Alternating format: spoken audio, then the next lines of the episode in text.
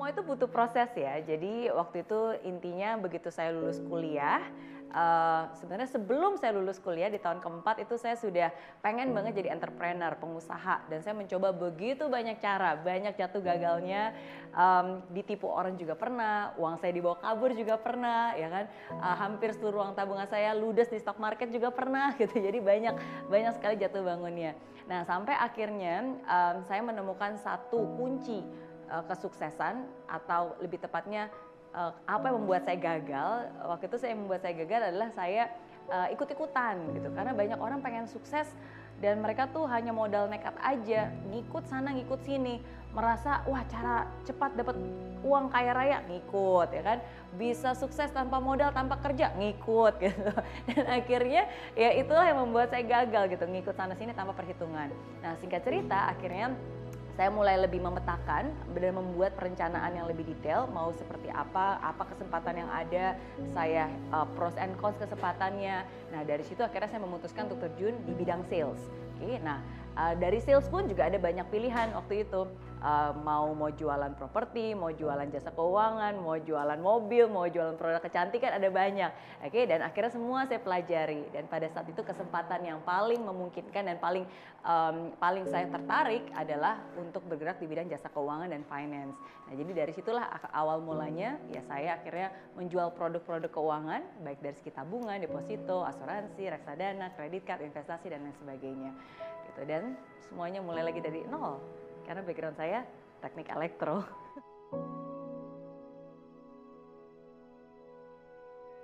Saham itu merupakan salah satu bentuk instrumen investasi. Terbaik atau tidak itu relatif tergantung dari uh, apa tujuan kita berinvestasi, untuk jangkanya berapa lama dan juga tergantung dari uh, risk appetite kita ya, apakah kita termasuk tipe orang yang berani untuk mengambil resiko atau tidak. Jadi terbaik atau tidak itu sebenarnya kembali ke uh, kita masing-masing. Ya sama seperti saya bilang, apakah warna merah warna terbaik untuk Anda? Ya tergantung, tergantung selera. Apakah nasi padang adalah makanan terbaik untuk Anda? Ya tergantung. Kalau kalian nggak suka makan pedas ya mungkin nasi padang kayaknya nggak bisa terlalu makan terlalu banyak ya kan. Tapi kalau kalian suka banget pedas gitu kan, ya mungkin itu bisa menjadi makanan favorit. Jadi begitu juga dengan investasi. Nggak um, ada yang terbaik, tapi yang ada adalah yang tepat sesuai dengan kebutuhan, sesuai dengan kondisi, sesuai dengan keadaan kita masing-masing. Dan maka dari itu dibutuhkan uh, perencanaan, dibutuhkan pengetahuan, uh, nggak bisa hanya sekedar modal nekat aja, nggak bisa hanya sekedar ikut-ikutan.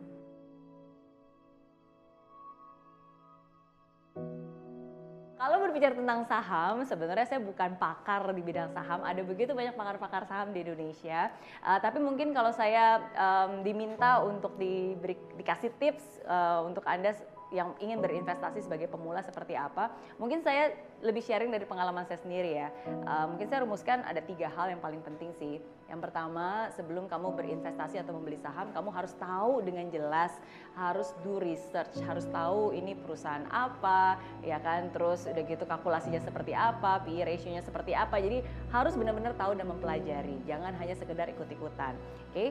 um, dan kalau misalnya um, kamu tahu pun misalnya kayak di Indonesia itu pun juga udah ada beberapa saham-saham yang sebenarnya uh, ini juga sudah uh, termasuk blue chip ya dalam arti ya termasuk saham-saham yang uh, yang apa ya kalau di dalam Indonesia berarti LQ45 gitu. Jadi udah udah terpilih lah, terpilih. Oke, okay? uh, yang pertama setelah tahu dan mempelajari, yang kedua yang paling penting adalah uh, kamu sendiri harus uh, tentukan nih uh, ini untuk apa? Tujuan kamu berinvestasi uh, untuk jangka pendek kah, untuk jangka panjang kah ya, untuk lima tahun mendatang, 10 tahun mendatang, 25 tahun mendatang. Ya karena tujuannya untuk apa? Ya itu nanti akan menentukan uh, instrumen apa yang yang kamu butuhkan gitu. Nah, jadi yang kedua itu again un untuk apa kamu berinvestasi dan untuk tujuan apa. Dan yang ketiga yang paling penting lagi menurut saya adalah um, berinvestasi itu harus pakai uang ekstra ya jadi jangan pakai uang untuk kebutuhan sehari-hari di mana ya ini untuk uang makan kamu atau uang yang uang yang benar-benar penting gitu. Jadi menurut saya memang harus disisihkan sih. Jadi uang yang uang yang lebih kalau dalam istilah financialnya yang saya selalu bilang adalah memiliki yang namanya financial flexibility. Financial flexibility itu berarti kamu punya uang ekstra di mana uang ekstra ini fleksibel bisa kamu gunakan untuk investasi. Jadi anggap aja itu hilang pun itu tidak akan mempengaruhi hidup kamu gitu. Jadi kamu nggak bergantung dengan uang tersebut. Itu sih dari pengalaman pribadi saya dan ya semoga itu juga bisa bermanfaat untuk kalian semua.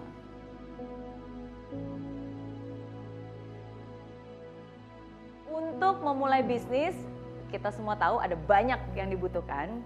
Uh, harus mengerti marketing, ya kan, produknya seperti apa, jualannya seperti apa, cash flow-nya seperti apa, ada banyak ya. Tapi kalau saya bisa kasih satu hal yang paling penting dalam bisnis menurut saya, satu hal itu adalah integritas.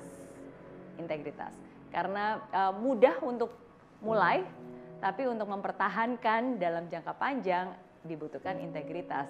Mudah untuk buka toko, tapi kalau kamu tujuannya buka toko, abis itu nipu orang kabur lagi, cuma hit and run, nggak akan ada gunanya juga. Oke, okay? jadi menurut saya integritas itu satu hal yang paling penting yang harus dijaga karena bisnis bisa up and down dan ketika kita down, ketika bisnis itu lagi sulit, integritas itulah yang akhirnya akan membawa kita naik lagi. Integritas itulah yang akhirnya membuat orang percaya, customer percaya, uh, supplier percaya gitu di saat-saat susah dan akhirnya kita bisa bangkit lagi bersama.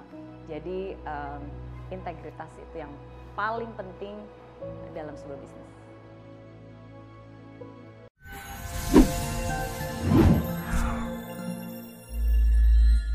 Di aplikasi Mary Riana tersedia lengkap video-video YouTube terbaru saya, artikel yang up to date, post inspirasi, koleksi merchandise, workshop dan seminar yang bisa kamu dapatkan free dan download sekarang juga gratis.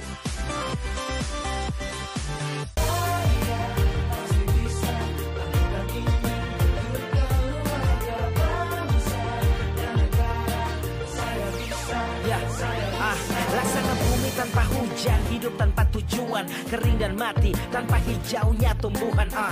Demikian kalau mimpi tak kunjung terjadi